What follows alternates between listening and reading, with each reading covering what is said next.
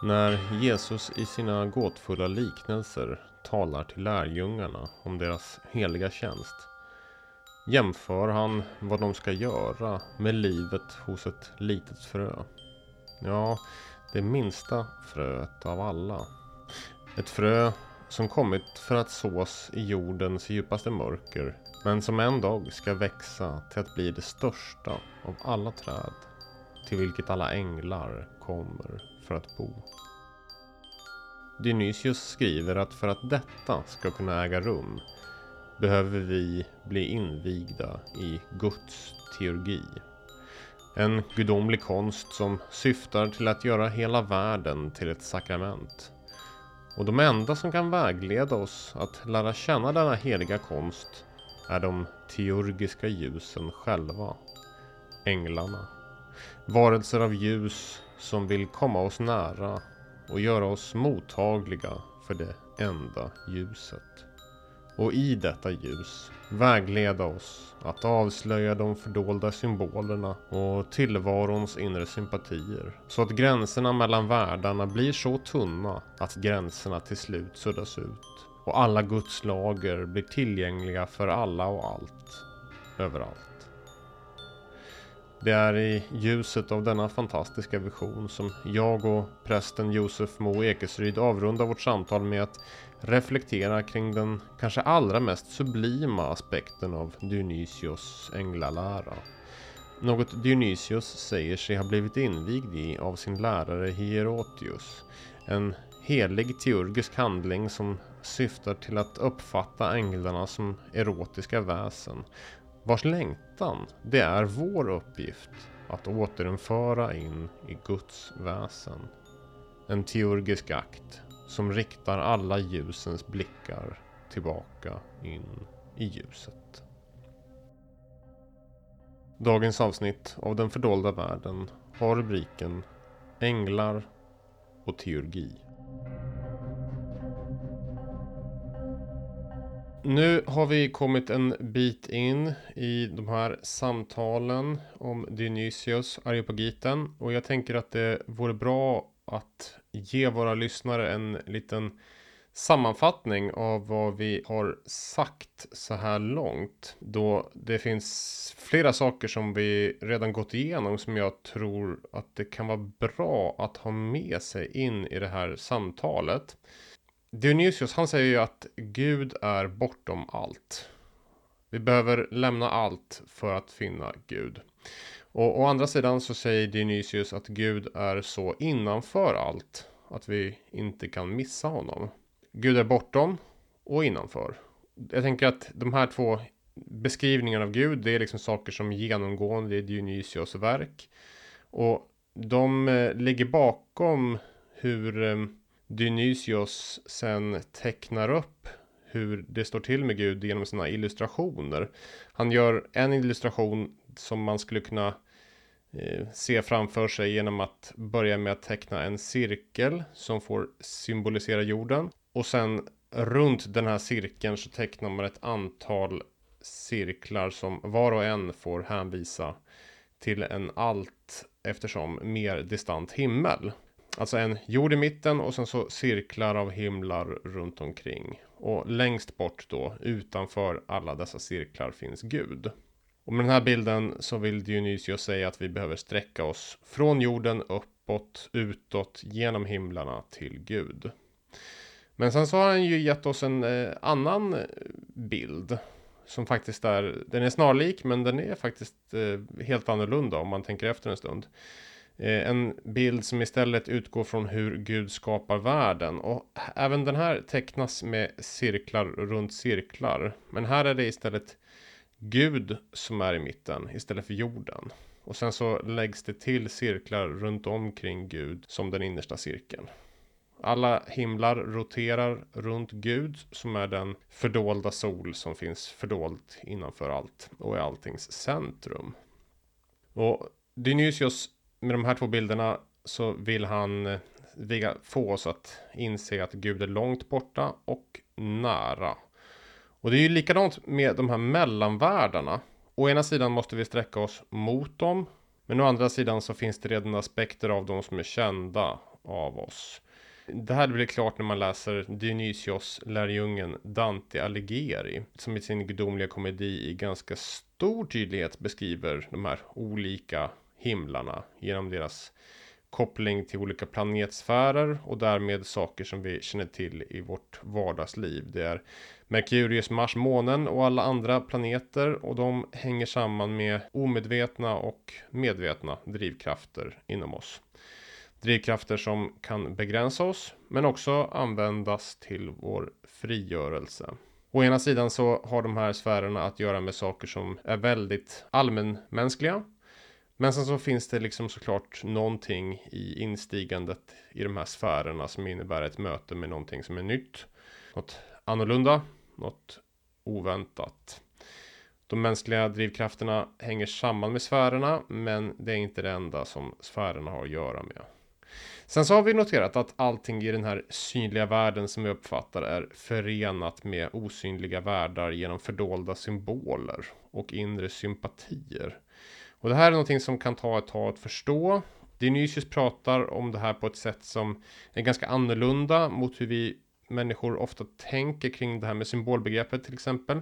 Man kan behöva anstränga sig lite grann för att närma sig vad det här är, även om det egentligen, när man förstått det, är ganska självklart.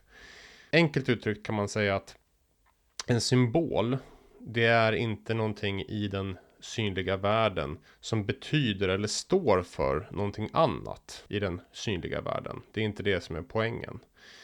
En ingång till vad det istället handlar om det kan man få om man är en lyssnare till exempel på podden Myter och Mysterier.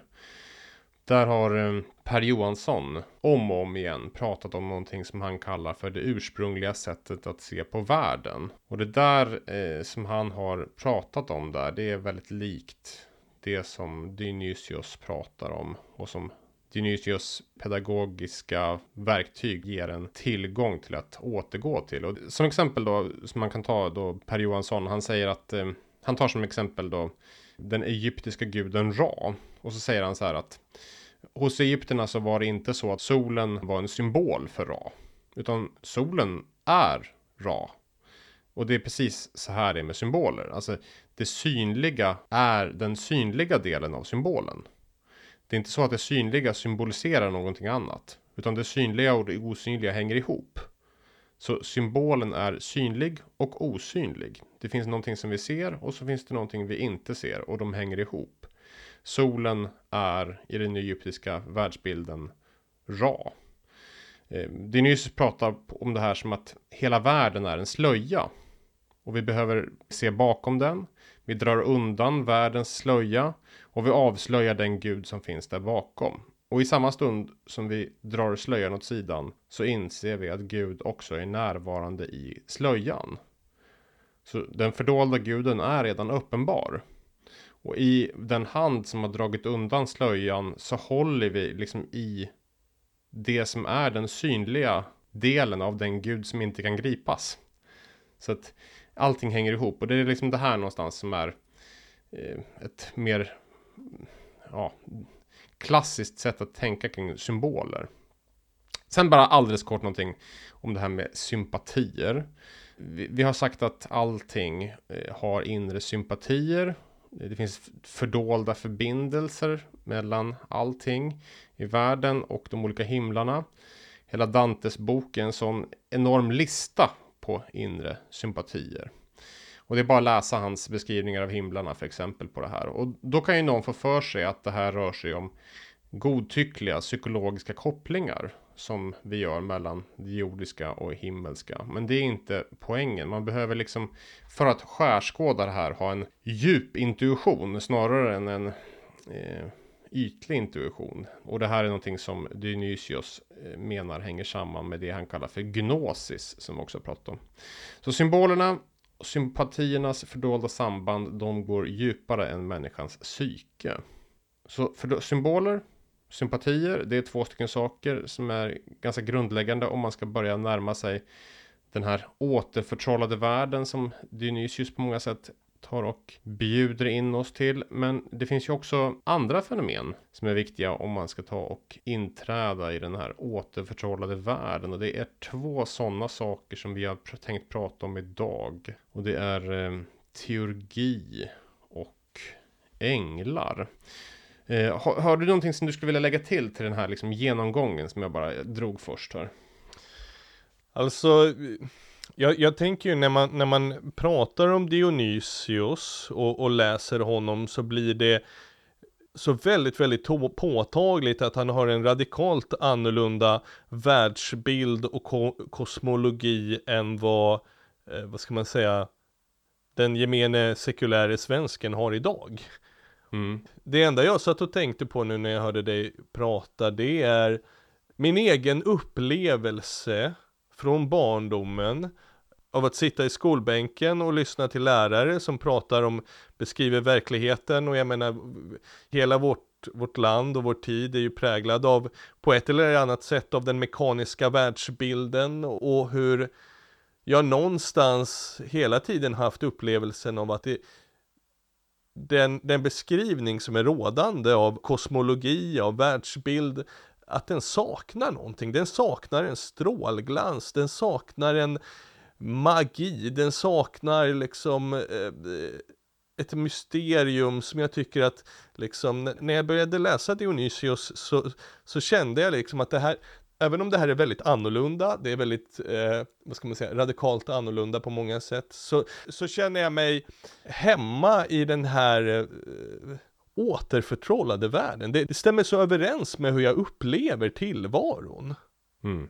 Och att tillvaron, världen, livet är, är någonting sakralt, det är ett mysterium, det är någonting som är kopplat, det, det hela kosmos är kopplat till, till en gudomlig källa, ett utflöde, det, det finns en levande värld som är fylld av änglar hos Dionysios, himlarna.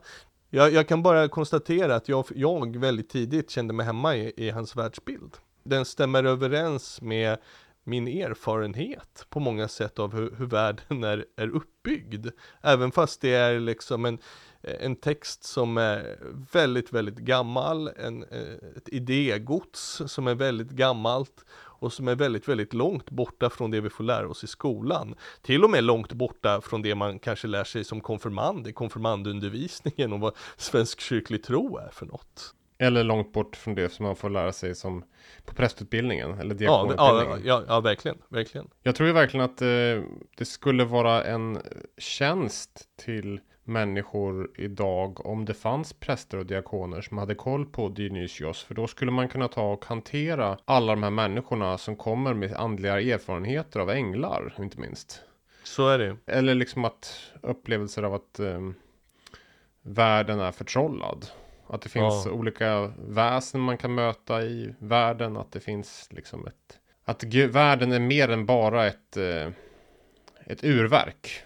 Ja, talet om slöjan, alltså världen ja. och skapelsen som en slöja som, som vad ska man säga, varigenom vi kan skönja Gud bakom.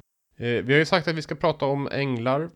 Mm. Och vi har sagt att vi ska ta och komma in på det genom att reda ut först ett begrepp som heter teurgi. Ja, det återkommer ju på några olika platser hos Dionysius, men eh, jag tänkte läsa eh, från kapitel 1 i den kyrkliga hierarkin. Nu läser jag den svenska översättningen här. Ordet teurgi eh, används inte av, av, den, av översättaren här, men vi, vi kommer in på begreppet teurgi därför att det, det grekiska ordet är med i grundtexten här.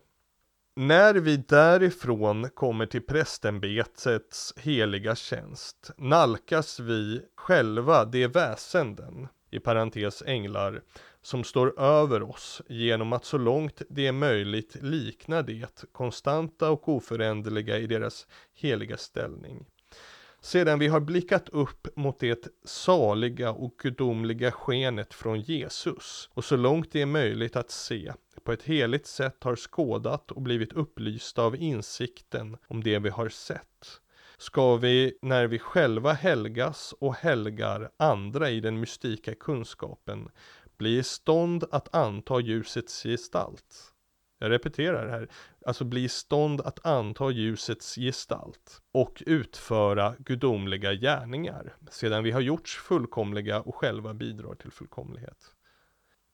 I, I texten här finns, talas det om en process som börjar med att vi tar emot skenet från Jesus, vi antar ljusets gestalt och sen så utför vi själva gudomliga gärningar. Och det här begreppet gudomliga gärningar, det, det är alltså teurgia, teurgi. Och det är ett begrepp då som Dionysios också, likt många andra begrepp, eh, han plockar upp från nyplatonisterna. Ja, du har ju nämnt det här att eh, det finns två olika sätt att förstå begreppet teurgi. Vi kan väl nämna, te teurgi betyder alltså gudsarbete eller gudomligt arbete. Det är ju väldigt besläktat med, med begreppet liturgi som är vanligt, alltså i, i ett, ett kyrkord kan man säga, kyrkiska. Liturgi betyder ju folkets arbete eller arbete för folket och avser ju liksom den, den heliga gudstjänstens utformning. Just det. Eh, begreppet teurgi är ju väldigt likt det här. Dionysius använder ju begreppet här som någonting som vi ska utföra efter det att människan har blivit förenad med Gud eller förenad med Kristus. Det är heliga handlingar, ett handlande som, som manifesterar Gud, ett handlande där, eh, som är Guds handlande i oss, ett handlande som för världen närmare Gud. Ja, Dionysios, han, eh, han på, på många sätt så är han ju sann mot ja, sitt uppskattande av de här nyplatonisterna. Eh, han gillar, han gillar dem och hos dem så eh, betyder ju teologi, det är heliga handlingar, det är både rituella och meditativa praktiker som Eh, syftar till att återföra världen till en ursprunglig enhet bort från splittring. Man kan titta till exempel på Plotinos som är mer kontemplativ och Jamblikus som är liksom mer eh, rituellt sinnad. Hos Dionysios så finns liksom båda de här två aspekterna. Men det liksom centrala egentligen är ju att han väver ihop ett antal saker under det här teologibegreppet han pratar om att det som är Jesu verk är teologi. Det som Jesus gör från bebådelsen till uppstigandet genom himlarna och sen allt annat. Alltihop, det är liksom Guds teologi. Och det är ju det är ett pågående det, arbete. Ja, det, det, det, det, ligger ju väldigt, väldigt, väldigt nära liksom det kristna sakramentsbegreppet. Just så. Och det här är liksom inte avslutat, utan det är liksom någonting som Gud håller på med just nu. Mm. Och som vi då ska dras in i. Eh, syftet liksom, Jesus gör sina heliga gärningar. Och Gud gör liksom sina, sina heliga gärningar också genom oss. Så att det är liksom kanske allra lättaste sättet att tänka kring det här med teologi. Det är liksom det här att man genom den så instiger man i den här rollen som vi har pratat om i podden på massor med olika sätt. Som att man, man instiger i rollen som världens kung och präst det här ursprungliga prästämbetet som människan har från början. Och eh, någon form av Kristusrepresentation också, att vi liksom att vi förenas med, med Kristus i hans ämbete. Just det. Präst, profet och kung. Det kan ju vara värt att nämnas att, att första gången som begreppet teurgi påvisbart uppkommer, det är ju kaldeiska oraklen.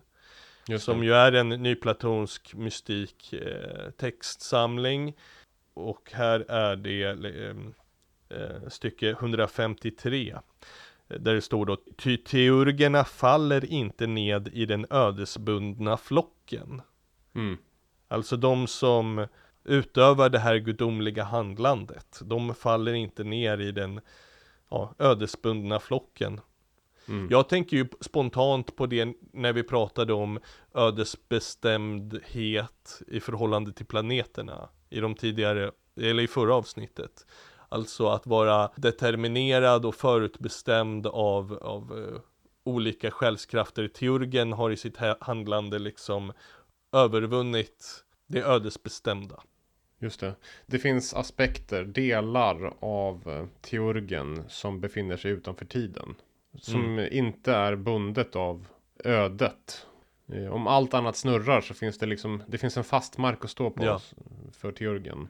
Eh, jag tänker också det här att ehm, eh, Dionysius han pratar om teologi i väldigt hög grad i sina kapitel som rör kyrkoorganisationen. Det hänger ihop med sakramentsbegreppet.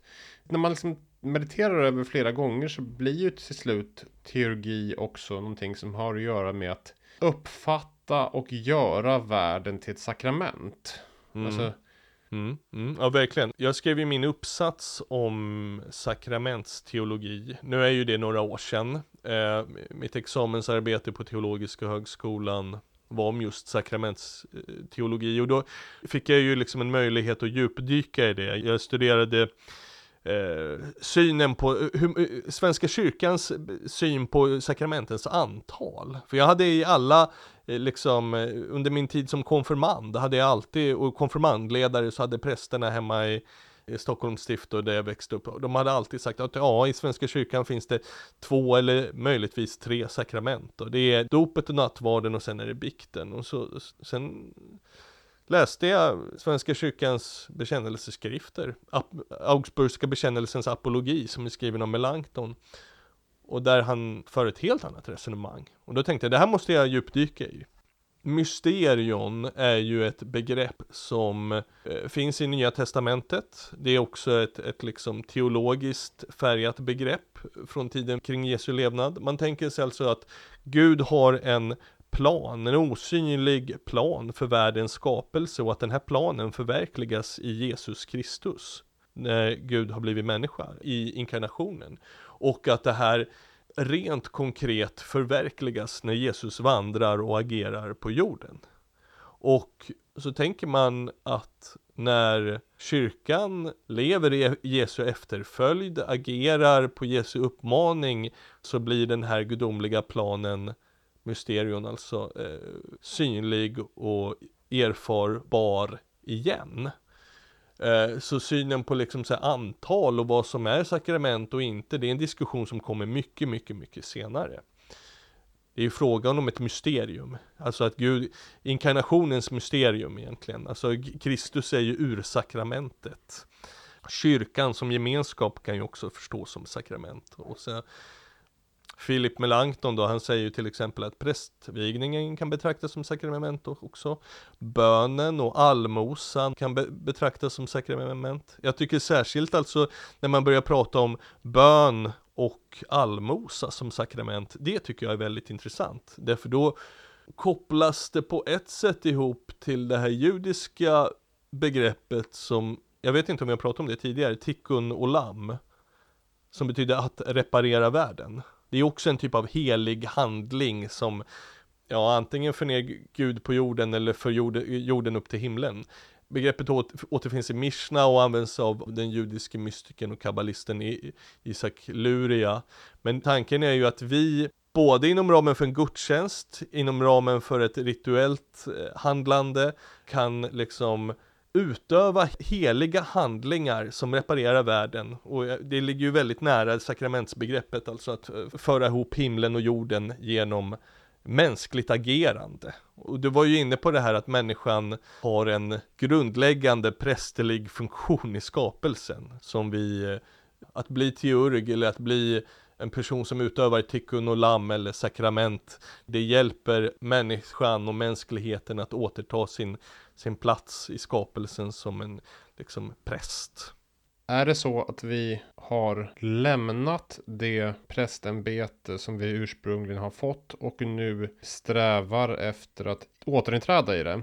Eller är det så att vi egentligen har haft det hela tiden men använder det på ett dåligt sätt. Och just på grund av hur vi väljer att använda det fördjupar vårt eget fall. Det finns ju den här grejen i, i bibliska materialet, alltså människans fall får världen att falla. Det är människans gärningar som får världen att falla. Ja, jag, jag, tänker på det, det är ju i gamla testamentet så är det ju, är det, en, det är en av profeterna som, när, när han välsignar så, så blir det välsignat och när han förbannad så blir, blir det förbannat och så är det någon av vad ska man säga, Israels fiender som, som ber honom att förbanna Israel. Och kontentan är ju liksom att eh, förmågan att välsigna och förbanna, den har den här profeten. Och sen så väljer han ju då i, i slutändan att inte förbanna Israel och så då är det den som välsignar Israel eh, välsignar jag, säger Herren. Och eh, om man ska utgå från den texten, då, då är det ju så att vi har ju en förmåga att både välsigna och förbanna. Mm. Uh, om vi tänker oss att liksom urmänniskan, uh, himmelska Adam, hade en, någon form av förmåga att både välsigna och förbanna så kanske det liksom återspeglas hos oss också som individer. Ja, den ursprungliga Adam, han har ju den här um, fantastiska intressanta uppdraget att han är ju den som namnger allting. Mm. Alla djuren tar Gud liksom och tar fram till honom och så säger han så här att du ska namnge dem. Och ja. det där med att kunna sakernas inneboende namn. Det är ju någonting som eh, också hänger samman med att eh, ha makt över dem.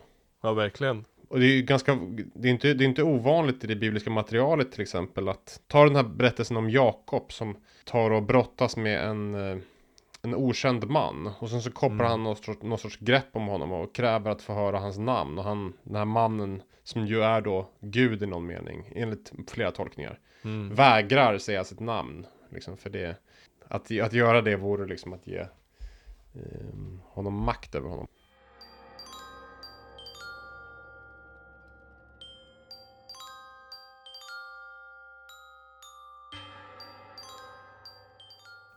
Sen så kommer man, eh, tror jag, beroende på ens temperament kanske utöva sin teologi på lite olika sätt.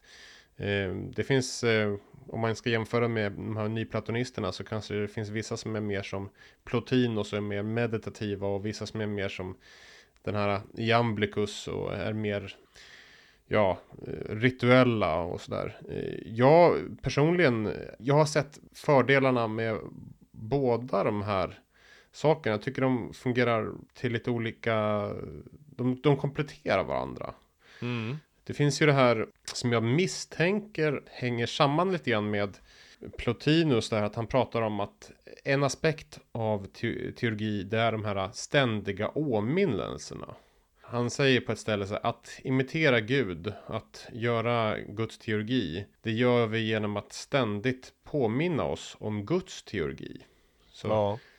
Här får jag bara flika in en väldigt, väldigt viktig sak när vi pratar om uh, påminnelse och åminnelse. Och jag har inte läst den grekiska grundtexten, men jag misstänker att det är begreppet anamnesis som återkommer. Ja, det antar jag också. Ja, det svenska ordet påminnelse bli, blir väldigt platt. Det är inte lika förtrollat som begreppet anamnesis verkligen ger uttryck för och särskilt i, inom ramen för ett judiskt tänkande därför att för oss är ju påminnelse, det är ju Säg att jag ska åka iväg till jobbet och så säger min hustru till mig Jag vill bara påminna dig om en sak och det är att när du kommer, ska åka hem så kan du väl köpa med lite mjölk och lite kaffe Alltså påminnelse handlar om att liksom hjärnan ska komma ihåg saker mm -hmm. Men i judisk tänkande så handlar ju inte bara liksom anamnesis eller Eh, sikaron. Sikaron är ju det hebreiska ordet som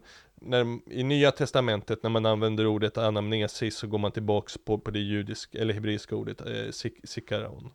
Så när man till exempel då firar påsk och firar påskmåltiden då tänker man ju inte bara att vi, vi kommer ihåg uttåget ur Egypten, utan man tänker ju då liksom att ja, men vi kliver tillbaks i tiden och vi är med, vi är delaktiga i det historiska skeendet. En sak som kanske gör det alldeles tydligt, säg att jag står på en bergstopp och så, så plötsligt så liksom öppnar sig allting för mig.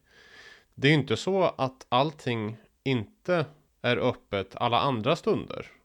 Nej. Men när jag står där, då vet jag det. Då ser jag det. Så att jag, liksom, då har jag ju stigit in i ett nu där jag faktiskt kan se det. Då åminns jag det. Det är det som är skillnaden. Just alltså att, att, faktiskt vara i det. Det som är där hela tiden, fast fördolt. Den fördolda världen. Den fördolda världen, precis. Mm, mm. Um, han säger också på ett ställe att um, genom invokationer och anamnesis kopplar vi oss samman med den gyllene kedjan, initiationens kedja som drar oss uppåt. Den här mm. gyllene kedjan, alltså att det, det finns, eh, det finns vänner till oss som också är med och drar oss uppåt. Det är änglarna och det är helgonen. Och eh, att bli vänner med dem gör också att vi dras uppåt. Jag tänker på en annan passage som också är viktigt liksom när vi pratar om änglar. Det, det är ju det här liksom att Dionysius skriver ju vid ett tillfälle här, men den som kanske säger att en del av det heliga har fått gudsuppenbarelser direkt och utan mellanled måste förstå att det tydligt framgår av de heliga skrifterna att ingen någonsin har sett eller kommer att se Gud i hans fördoldhet. Givetvis, det här är ju en del av liksom Dionysius kanske dialektiska förhållande till apofatisk och katafatisk teologi. Men det jag tänker när jag läser den här texten är ju att änglar också är ett mellanled i vår erfarenhet av Gud. Mm -hmm. Därför att uh, man kan ju tänka sig att kan människan i ett liksom uh, sitt jordiska vardagstillstånd verkligen erfara Gud. Det finns ju det här talet om att ingen kan se Gud och leva liksom och, och att Gud nalkas oss genom änglar. Mm. Änglar blir en del av den gyllene kedja som drar oss uppåt. Yes. Och det här är ju inte då liksom några psykologiska symboler för godhet eller psykologiska symboler för moral, utan det här är ju verk, alltså en verklighet. Det är ju verkliga krafter. Mm. Jag kommer att tänka på en annan teolog som, som har betytt mycket för mig och vi har ju pratat om honom utanför podden och det är ju han Sergej Bulgakov. Han lyfter ju in ett resonemang där han menar på att hedningarna, de erfar änglarna, allting har en ängel, det finns änglar överallt, säger Bulgakov. Problemet med hedningarna, det var att de misstog änglarna för att vara gudar. Just det. Inte att änglarna utgick ifrån Gud. Gud ska vara föremål för vår tillbedjan, vår dyrkan och vår liksom djupaste tro. Men att änglarna, de finns och de finns runt omkring oss och de är en realitet som vi kan erfara. Jag tycker också att det, det är viktigt om man börjar prata om att till exempel be med ängeln eller nämna ängeln i sina böner eller och prata med ängeln eller änglar. Det är ju ingenting som är konstigt i kristen tradition. Under studietiden så var jag väldigt eh, fascinerad av Padre Pio. Och jag var nere på pilgrimsresa till Italien och eh, i Padre Pios fotspår. Och eh, träffade munkar som hade levt med honom, som hade firat mässan med honom. Och det är ju spännande med Padre Pio därför att många av de här, om man läser en helgonlegender från medeltiden så är de ju fyllda av eh, mirakelberättelser. Och så kan man tänka sig, ja men det, sånt här kan man ha trott på medeltiden, för då var människor så vidskepliga. Men väldigt mycket av de här mirakelberättelserna återkommer alltså redogörelserna för Padre Pios liv också. Och han levde ju på 1900-talet, det är ju mitt i modern tid liksom. Jag tror att det var ett Padre Pio citat, men, men jag vet att eh, min gamla präst i Stockholm, som betyder väldigt mycket för mig, jag tror att det var, han citerade Padre Pio i en predikan just där, att om du, om du ber, om du sitter och ber och mediterar och så känner du att det kommer en särskild glädje som bubblar upp i hjärtat, då är det, då är det din skyddsängel som förenar sig med dig i bön. För mig är nog liksom erfarenheten av änglar också väldigt nära för, förknippade med olika sinnestillstånd av glädje eller kreativitet eller andra saker. Padre Pio, han, han har ju en bön, daglig bön till eh, skyddsängeln. Här hittar jag en engelsk version av den då. O my holy guardian angel, care for my soul and my body, enlighten my mind that I may better know the Lord, my God, and love him with all my heart. Watch over me when I pray so I won't give into life's distractions. Sustain me with your counsel to live as a righteous Christian and help me do good works with a generous heart. Det är väl en teurgi att be den bönen? Ja, verkligen.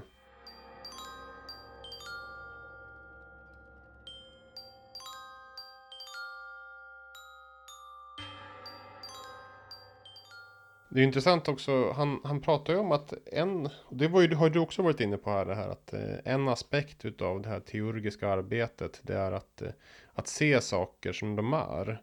Han ser ju biskopen som den stora teurgen. Och biskopen, han leker ju med eh, vad det ordet betyder alltså. Den som har, på engelska, the overseer. Jag vet inte vad det blir på svenska. Och han menar ju då liksom att biskopen är den som har som ser över, som ser igenom allting, som ser allting, som ser genom alla himlar. Biskopens roll är liksom att ha den här blicken som ser Gud överallt. Mm. Um, jag tänker att um, ett sätt att uh, göra det, om man nu ska liksom prata också om, om jag liksom som diakon utövar teologi så tänker jag att uh, ett sätt att liksom närma sig en di diakonal teologi, det är ju liksom att säga att uh, Gud är subjektet och objektet för församlingens diakoni. Ja. Och att också se det som gudstjänst. Alltså att eh, det ni har gjort för mina minsta har ni också gjort för mig. Ja. Eh, och att också kanske att det i mig som gör det är också gudomligt. Exakt. Så tillvida att det inte är så att jag gör det för min egen vinnings skull. För att jag ska få lön eller att alla ska tycka om mig. Men i den, i den mån som jag gör det helt oberoende av någonting annat. Jag ja, gör det som en, som en ren impuls från det gudomliga. Och det här, nu, nu, kommer vi in på en liten intressant filosofisk diskussion, för ibland så hör jag ju människor som säger så här att Nej, det här är inte i, i kyrkliga sammanhang utan utanför kyr, kyrkan. Filosofiskt lagda människor som tänker så här att, ja men vi, jag tror inte att människor kan agera osjälviskt. Människan har mm. alltid en baktanke. När någon ger en allmosa så är det för att man själv har ett behov av att känna sig god. Du har säkert hört det där också. Oh ja, jag har tänkt så också. Det som är intressant är ju att det förutsätter ju att vi människor bara har en individuell identitet. Så fort jag vidgar min identifikationspunkt, alltså jag, jag är inte bara Josef Mo Ekesryd, utan jag är eh, jag är delaktighet i Kristi kropp, jag, jag är Kristi kropp tillsammans med andra, jag är mänsklighet tillsammans med andra, jag är levande tillsammans med andra, jag är tillsammans med allt annat vara. Då mm har jag ju en, en, identitet som inte separerar mig från andra utan förenar mig med allt annat. Och då blir ju frågan om osjälviskhet helt onödig. Precis. Om jag betraktar mig som en del av allt annat som är och jag bemöter det med godhet, då blir ju frågan om osjälviskhet om intet. Ja, det här är ju verkligen ett jätte, det här är en jättesak för att det här gör ju liksom att eh, mystik har en potential att ta och bryta människans girighet och självcentrering. Ja, verkligen. Att genom att den de facto bryter självcentreringen så kan den ta och rädda människan från sin egen inkrökthet. Det är så djupt intressant egentligen hur det där fungerar. Och, och, och hur mystik och diakoni hänger ihop så oerhört mycket ihop att, att du, kan inte, du kan inte vara en mystiker om du inte också blir en diakon. Precis så. Det är dessutom så att om man pratar om att människan är ett väsen som finns i alla de här sfärerna samtidigt. Så är det ju så, för, för någon kan ju säga så här att jo, vi är ödesbestämda varelser. Men som mystiker så blir det ju så att det finns en ökande grad av dig själv som är utanför de här eh, sfärerna som är ödets sfär, som är utanför de här planetsfärerna. Verkligen, Så, verkligen. Och, och där mm. hittar du ju nya drivkrafter som får dig att göra andra saker. En person som säger så här, det finns inga människor som agerar utanför sin egen själviskhet. Jag tror att den skulle behöva ta och träffa nya människor. För att ja. det, det, tror jag, det tror jag säger en del om vilka den umgås med också. Ja, absolut det finns en sån aspekt av det hela också. Mm. Dionysius han, han säger ju apropå det här med eh, det här med diakoni och det här. Han säger ju att den bästa teologiska bönen det är gör detta i min åminnelse. Mm. Inte bara som som har att göra med nattvarden utan just nu, här och just nu i min åminnelse. Just det. Det här just är just nu, det är inte skilt från det gudomliga. Nej. När jag ger mat till en hemlös, gör detta i min åminnelse. Det är inte bara du som är närvarande här. Jag är det. Jag tänker också i relation till det där, precis som du nyss sa, det där med att mystiken är någonting som gör att vi sträcker oss utanför vår inkrökthet Och att te teurgi är därmed någonting som sträcker oss utanför vår inkrökthet utan identifierar oss mer med andra. Eh, Dag Hammarskjöld har ju ett intressant citat i sina vägmärken som är väldigt teurgiskt. Där han säger så här.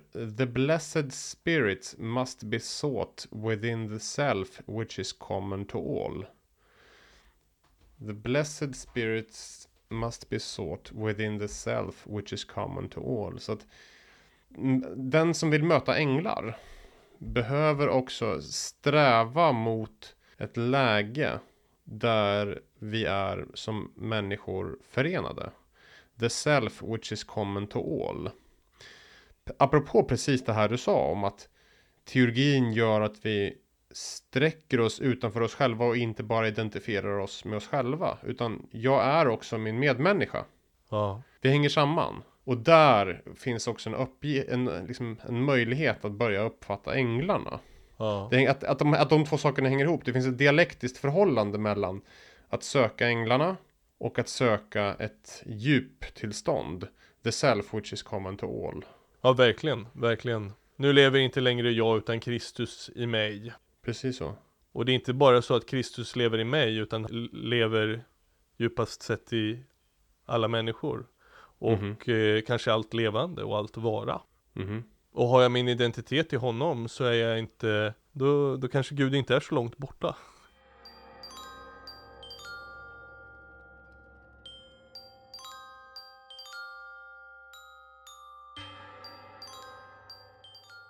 Dionysius han säger på ett ställe så här.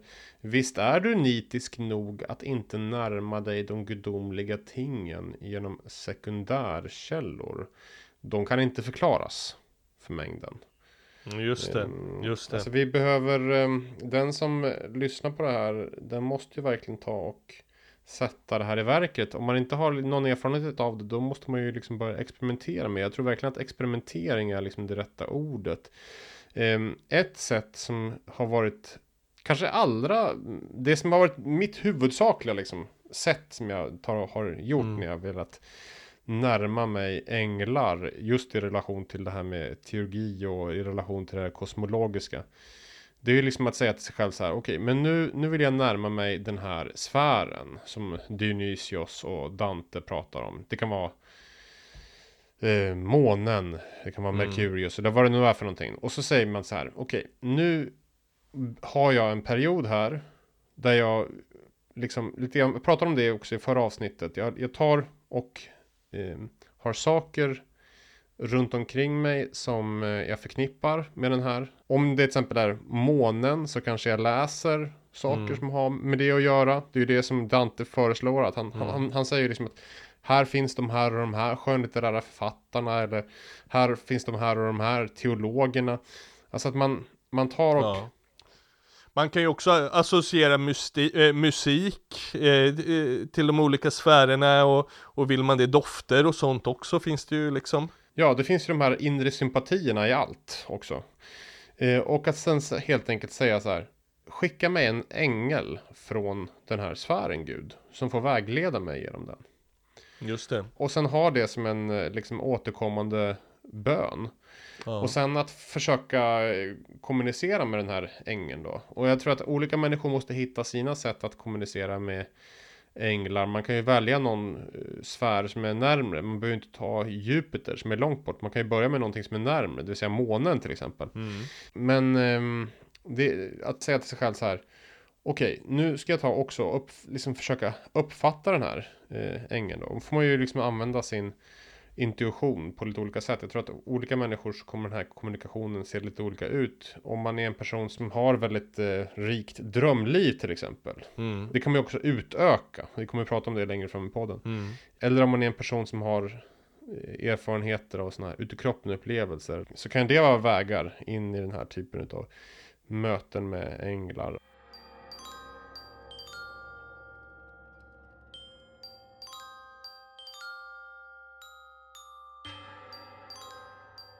Olika personer har ju olika fallenheter. För någon kan det ju vara så att man till exempel upptäcker att jag är jättebra på att upptäcka platser där änglar blir tydliga i naturen. Alltså att man har ett sånt särskilt skådande så att man liksom märker så här. här är en plats där man kan möta änglar. Det här är liksom ett, be, det här är ett betel. Det här är liksom en sån tunn plats. Här är ängen tydlig för mig. Om jag ska vara personlig och min egen liksom erfarenhet av änglar så är jag jag tänker mycket på det här citatet som jag nämnde tidigare. Om du sitter och ber eller mediterar och helt plötsligt känner en särskild glädje, då är det din skyddsängel som förenar sig med dig i bön. Och, och, och för mig är nog liksom änglanärvaro kopplat till sinnestillstånd. Det är att koppla, alltså på samma sätt som, säg att du sitter på ditt rum och så kommer din fru in. Då för ju hon med sig ett sinnestillstånd som uppfyller ditt hjärta. Eh, du, du, du, kanske inte tänker på det här, men om vi tänker att först kommer din fru innanför dörrarna på, till rummet där du sitter och sen kommer din chef. Då uppfylls du ju automatiskt av ett helt annat sinnestillstånd för att du har en annan relation till den människan. Och jag tänker nog ofta att liksom till exempel när jag sitter och skriver predikningar, att jag, jag ber och så, och så knäpper jag mina händer och, och ber till Gud om inspiration och sen att en ängel ska komma och vägleda mig och väldigt, väldigt ofta så upplever jag att liksom ängeln är förknippad med en, ett sinnestillstånd där jag kan bli kreativ. Mm. Och där det liksom, där det kommer en kreativt flödande som inte är det känns inte som att det startar i Josef Mo Ekesryds hjärna liksom, utan det är ett flöde som kommer någon annanstans ifrån. Jag vet, vi, jag satt och pratade med en eh, musiker som vi känner, eh, både du och jag. Som gör den här poddens, eh, som är ljudtekniker för podden också. Exakt, exakt. Vi satt på ett café och pratade faktiskt här för några veckor sedan om, om just det här med inspiration och känslan eller upplevelsen av viss inspiration som en sakramental gåva nästan, en gudagåva. Alltså mm. känslan mm. av att här är någonting som inte jag har kommit på, utan någonting som har blivit mig givet. Och jag är mm. inte, jag är inte musikalisk, jag, jag kan inte sätta mig vid ett papper och, och, och, och, se framför mig en bild som jag ska rita. De typen av kreativa liksom eh, krafter flödar inte genom mig. Men när jag sätter mig och ber och inför predikoskrivande så blixtrar det ofta väldigt snabbt till.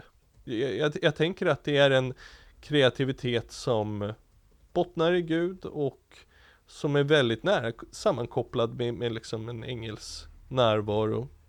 Kreativitet och ett kreativt flöde, kreativt skapande, någonting som jag kopplar till änglarnas närvaro, vilket inte är så konstigt med tanke på att Dionysios världsbild med att eh, när himlarna är ju en del av emanationen, en del av liksom skaparprocessen som omgärdas och uppfylls av änglar. Så vore det väl väldigt konstigt om, om änglar inte var delaktiga i den skapelse och kreativa process som vi befinner oss i här också. Just det. Ja, det där är, det, är, det är intressant. Jag uppfattar också att det finns en punkt av kreativitet ofta. Inte att det liksom så här är ett tilltal som är på mänskliga sätt. Eh, om jag skulle ta och skriva ner de drömmar eller utkroppnupplevelser där jag änglar har varit så här övertydligt sagt saker, så här ligger det till, med liksom mm. ord. Det är få. Nästan alltid så har det istället varit så att det handlar om att jag får en kontakt där jag blir förmedlad någon sorts kunskap som jag inte alldeles nödvändighet med direkthet kan liksom sätta fingret på vad det handlar om. Det känns som att eh, jag har gett administratörlösenordet till någon annan som just nu sitter liksom och skriver in ny kod i mig. Och jag har liksom ingen aning. Jag försöker liksom kolla vad är det som pågår. Men det är liksom inte alldeles... Ibland kan det vara så att jag förstår ungefär vad det handlar om. Eller jag drabbas av en plötslig liksom insikt liksom och så ser. Men ibland kan det också vara att ta dagar eller veckor. Ibland kan det vara precis direkt att det liksom bara, men vänta nu, vad händer? Och sen så bara inser liksom vad det är för någonting som ja. det handlar om. Ja. Eh, ofta så är det just sådana här saker som leder vidare in i djupare relation med de här änglarna. Just det här till exempel att man tydligare ser eh, tillvarons symboler, att man ännu tydligare ser tillvarons inre sympatier, att eh, bibeltexter, dolda mm. samband mellan saker och ting som man inte tidigare har lagt märke till. Men ibland så är det väldigt konkret. Man har undrat över till exempel hur ska jag gå vidare med hjärtats bön, med hesykasmen? Och så mm. plötsligt så liksom ha, mm. får jag liksom tillgång till någon insikt som jag kan använda i min meditation. Så att just det här liksom att ofta så är den kunskapsöverlämning som äger rum någonting som leder en djupare in i mysteriet på något sätt. Sen så, jag är ju väldigt inne på det här liksom att odla relationer med liksom änglar verkligen personligt. På liksom mm. det här mm. att be dem om deras namn och sådär. Vi har ju tidigare nämnt det där med att namn har en särskild funktion i tillvaron. Att be änglarna om sina namn, det... Men det var inte du som hade lyft fram det också? Vad var det i någon irländsk eller fransk tradition att man brukade be Ja alltså, precis Alltså kat det... katolsk tradition om att, att man ville, man bad om att få ängens namn också va? Var det inte? Exakt så, alltså det är ju liksom i relation till skyddsängen just så just finns det. det hos både de dominikanerna och hos franciskanerna en mm. tradition att man man ska be skyddsängen om sitt namn och sen söka eh, namnet. Eh, det ska liksom i bästa fall så det kan dyka upp under natten. Eh, det kan dyka upp i bönen. Eh, och om det inte dyker upp så får man ta och ge ett namn till ängeln. Ja tills det har gett den sitt riktiga namn. Jag tänker, jag tänker för att liksom illustrera också mängden av grejer som det här bara innehåller. Jag tänker på um, en av de kanske jobbigaste, eller kanske, en av de jobbigaste mm. händelserna som jag har varit med om senaste åren. Det var när min pappa bestämde sig för att vi skulle ta och eh, sälja vårt eh, sommarhus i Härnösand. Eh, fjärde generationen eh, liksom hade vi bott där uppe. Och eh, jag liksom, flera av mina mest intressanta andliga upplevelser har liksom varit där. Eh, liksom en sån här plats som är fylld av liksom symboler. Alltså verkligen alltså platser som är liksom förenade med det gudomliga. Mm. Och eh, sista dagen, sista hela dagen som jag var där. Så gjorde jag ett eh, Ja, det enda jag gjorde helt enkelt, det var att jag gick runt och pratade med änglarna som jag har mött där. Så jag liksom satt, jag satt med min, eh, eh med några av mina dagböcker. Där jag liksom skrivit, och drömböcker, där jag liksom mm. skrivit mm. ner liksom upplevelser och bara liksom gick igenom, tänkte efter, kände efter och sen så gick jag liksom i en cirkel. Liksom längs gränsen på den här platsen. Jag gick in i skogen. Och sen så hade jag med mig en, eh, en bägare. En liksom så här mm. kristallvas. Mm. Som jag hade vatt tagit vatten då från, liksom, för det här ligger precis vid vattnet. Och sen så sa jag liksom bara om och om igen. Eh, alla ni mina vänner som jag har lärt känna på den här platsen. Om ni vill följa med mig. Mm. Så jag kommer åka nu. Men om det är mm. någon som vill följa med. Då kan ni följa med. Uh, och det, det, det här mm. tog hela dagen. Jag, jag gick runt med hörlurar mm. med liksom min favoritmusik. Um, som jag lyssnade på när jag bodde där under ett, ett och ett halvt år. Och liksom, eller jag blir så påverkad när jag tänker på det. För det är liksom Underbart. så här, det, det, ja. ja. Det är så många liksom personer som jag mötte under den här tiden eh, liksom, som jag har namn på, som jag har liksom ansikten på, som jag har sett i mina drömmar och upplevelser. Eh, och jag liksom bara, min, min enda liksom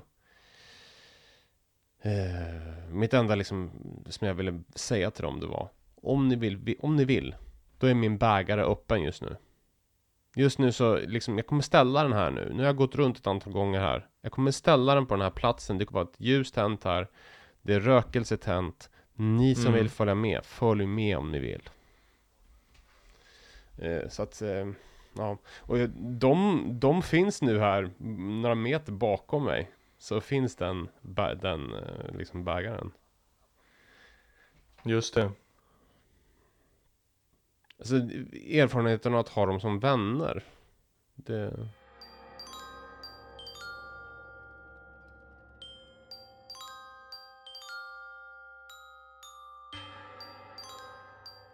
Att teurgi handlar om att göra världen till ett sakrament och att sakramentalisera världen. Man kan ta det här med eh, ikoner.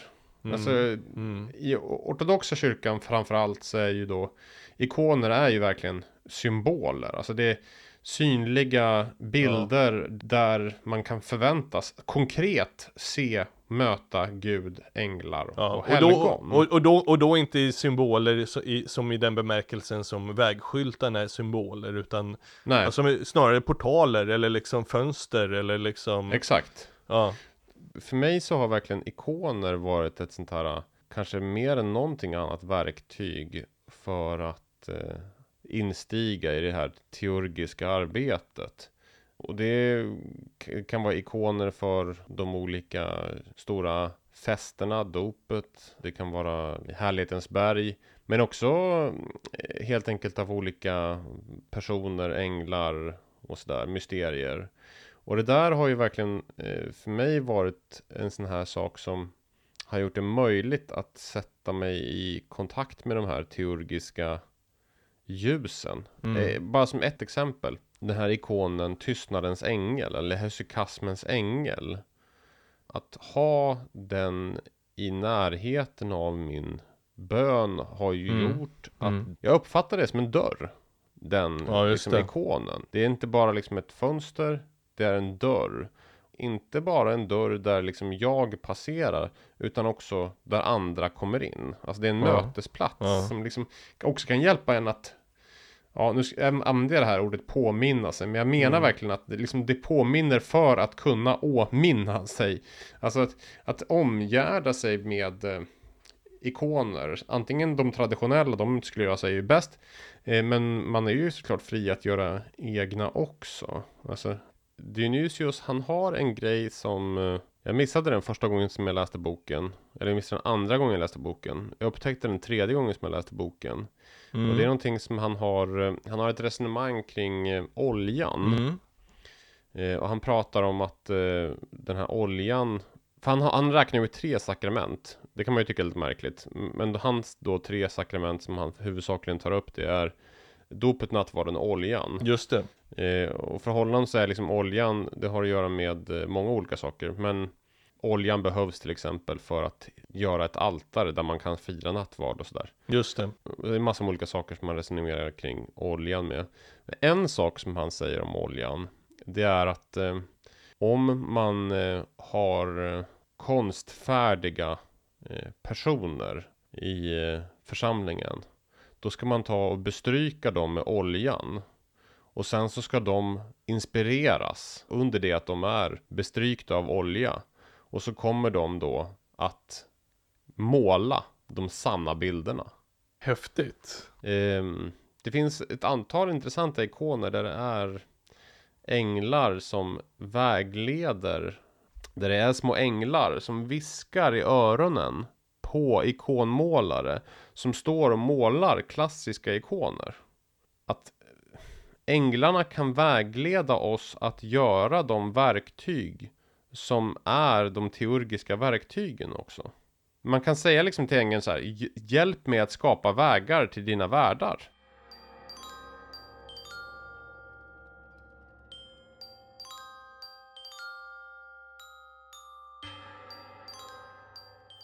Men jag, jag- jag, tror ju att det är en väldigt, eh, liksom, viktigt att ha en andaktshörna, oavsett om man har statyer eller ikoner, men att om du, om du ber och försätter dig i meditation på en särskild plats, då kopplar ju också kroppen automatiskt den här platsen till ett meditativt tillstånd. Så ju mer Mhm. du mediterar vid den här platsen, inför den här ikonen, inför den här statyn, med den här rökelsen, desto snabbare blir det ju för dig att hamna i ett meditativt tillstånd när du sätter dig och ber vid den platsen. Så jag menar, det finns Precis. ju väldigt många positiva bieffekter med att eh, ha en, en liksom helig plats i sitt hem.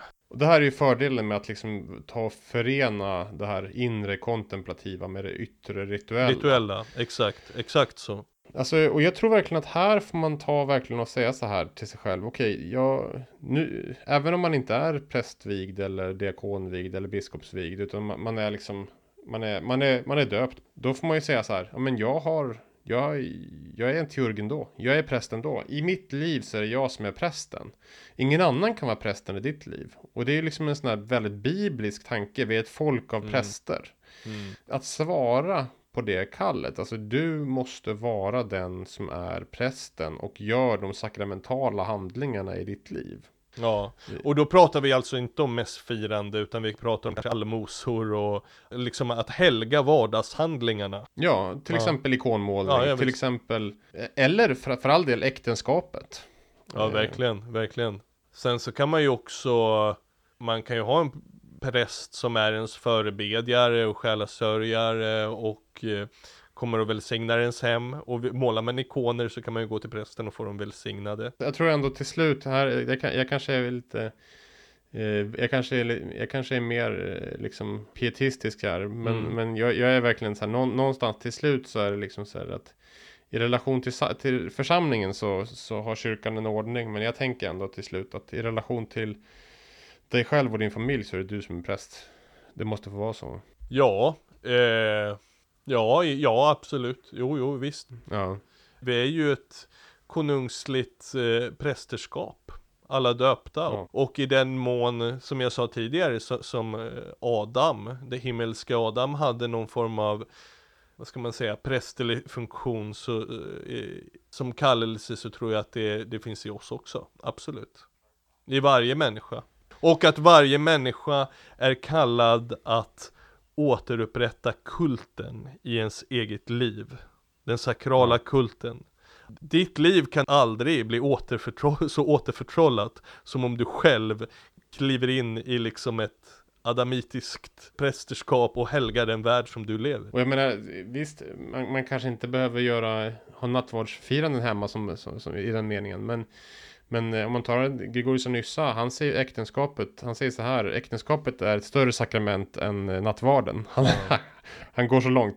Eh, I sin Höga Visan kommentar så säger han det. Mm. Eh, och det där, är, det där är ju liksom en, en någonstans ett eh, intressant, eh, liksom, en intressant ingång i det hela. Liksom att, och man kan, jag, tror, jag tror verkligen att man ska inte ställa saker mot varandra. Det är inte det det handlar om. Utan det det handlar om det är liksom att inse vilken enorm gåva som, som är given en. Mm. Som den teurg som man eh, kan instiga att bli.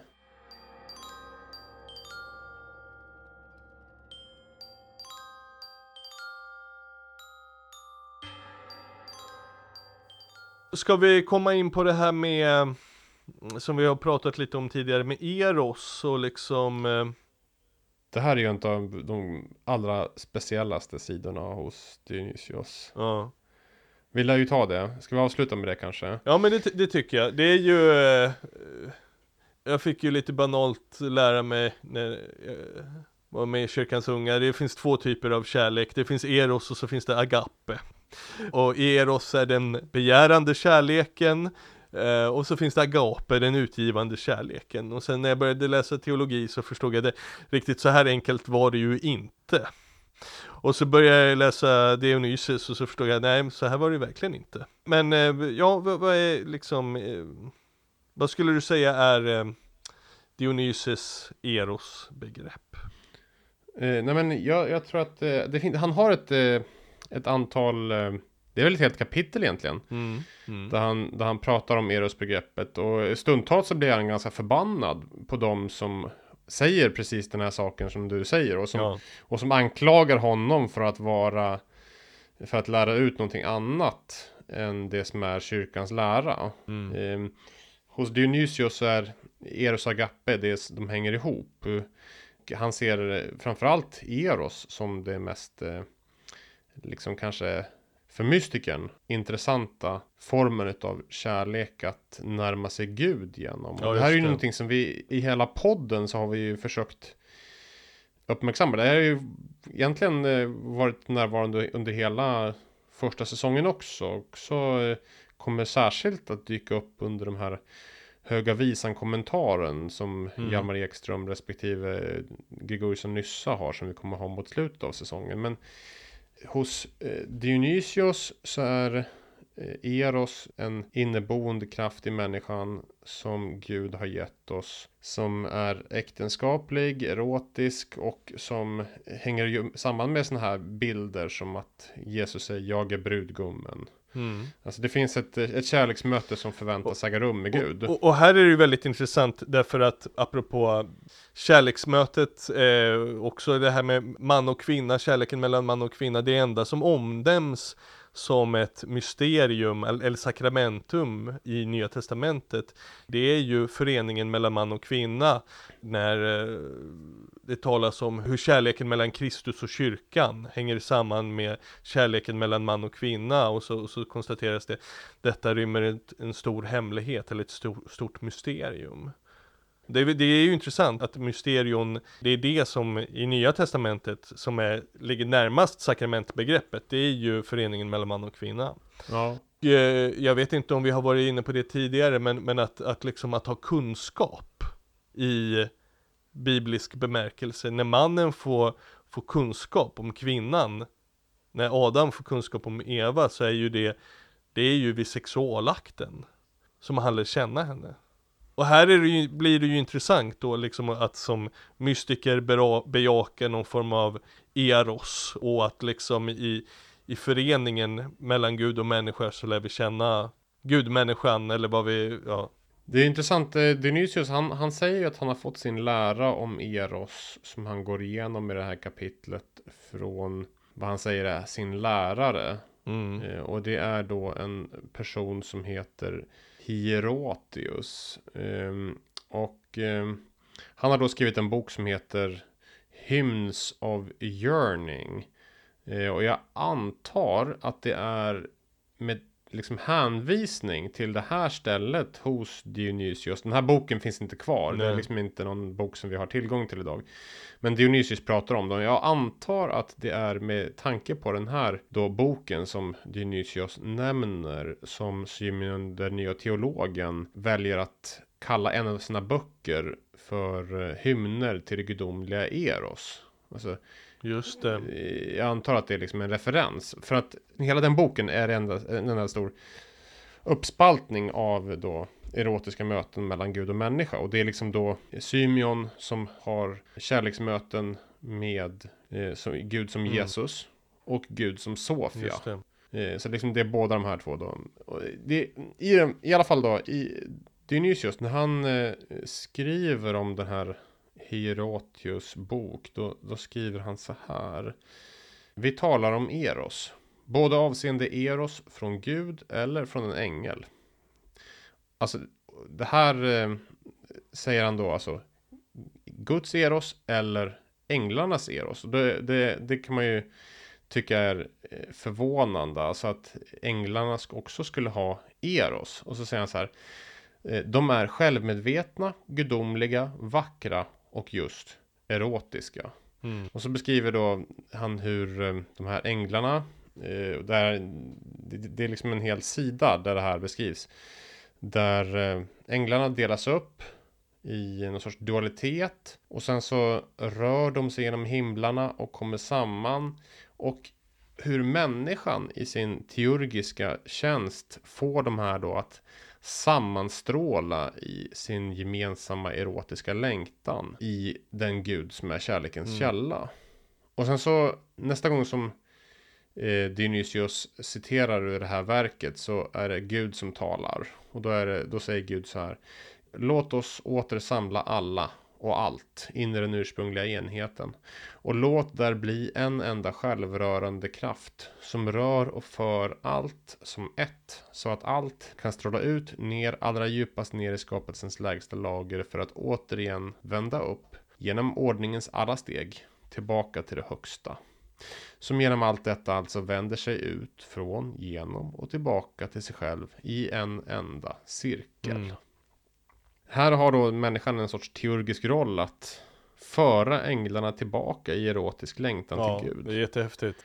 det blir helt förvånande, man liksom läser det, man, vänta nu man läser det om och om igen, man, man blir helt chockad, det är så många saker som, som förvånar en.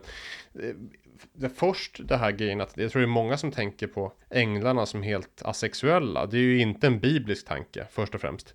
Tvärtom så är den bibliska tanken att, är ju verkligen att de har, de har ja. erotisk längtan. Och eh, det finns ju de här i första Mosebok, alltså när änglarna och människorna fick barn.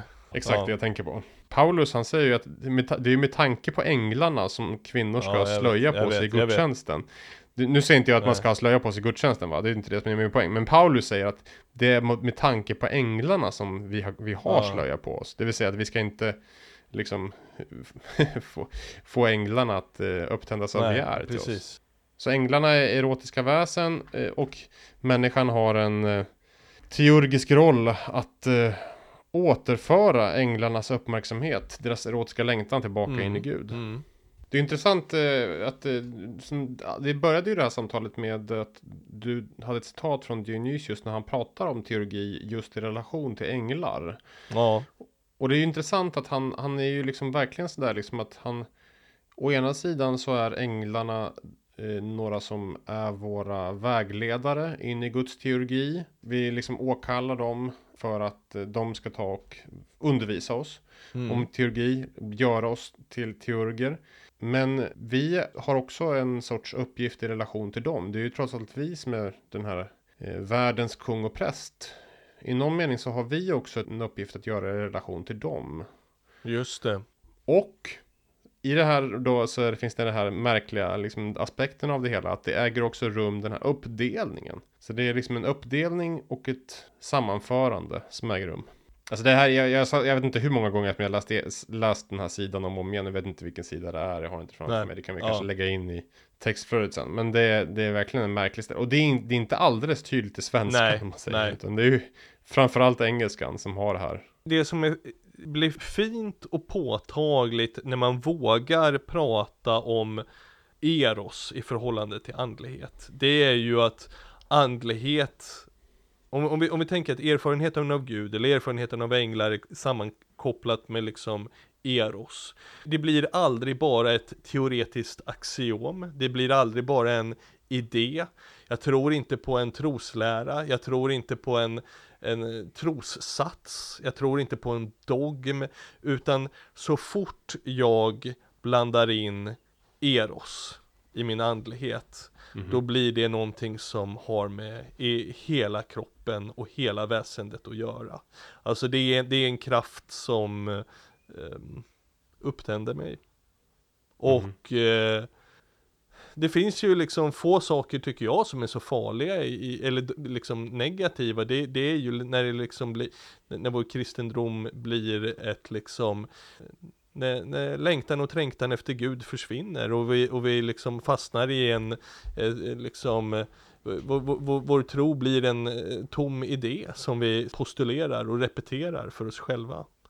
Det, där jag, det, här är, det här är en så viktig sak att göra någonstans. Alltså, eh, jag och eh, Peter, vi hade ett resonemang eh, utifrån eh, någonting som eh, Erik Skylt mm. har sagt. Det här att det finns en, kyrkan har en Petruslinje och en Johanneslinje. Man skulle kunna ta och, man skulle kunna ta och driva den där liksom, resonemanget en bit. Så skulle man kunna säga så här att på många sätt har den här Petruslinjen ofta handlat om utgått, särskilt i västkyrkan i alla fall, från den här bilden av att eh, du är eh, liksom juridiskt frikänd mm. från ett kosmiskt brott som ägde rum jätte, minst sagt jättelänge sedan. Och så skulle man kunna ta och ställa den mot den här Johanneslinjen som kanske mer utgår från den här lärjungen som Jesus älskade. Som vill vara nära Jesus och hans mm. hjärta. Som inte gör någonting annat än det. Som, som liksom vill känna Jesus som brudgummen. Och Johannes evangeliet börjar ju med, med ett äktenskap. Det börjar med bröllopet i Kana. Det är liksom där Johannes, eh, lärjungen som Jesus älskade, hans, hans, eh, hela hans, allting börjar i ett mm. äktenskap. På mm. en fest. Jag tror att det finns någonting som blir, det blir inte riktigt rätt, tror jag. Om man gör kristendomen bara till ett juridiskt frikännande. Sedan vi har blickat upp mot det saliga och gudomliga skenet från Jesus och så långt det är möjligt att se på ett heligt sätt skådat och blivit upplysta av insikten om det vi har sett ska vi, när vi själva helgas och helgar andra i den mystika kunskapen, bli i stånd att anta ljusets gestalt och utföra gudomliga gärningar, sedan vi har gjorts fullkomliga och själva bidrar till fullkomlighet. Det är allt annat än ett juridiskt frikännande. ja, verkligen.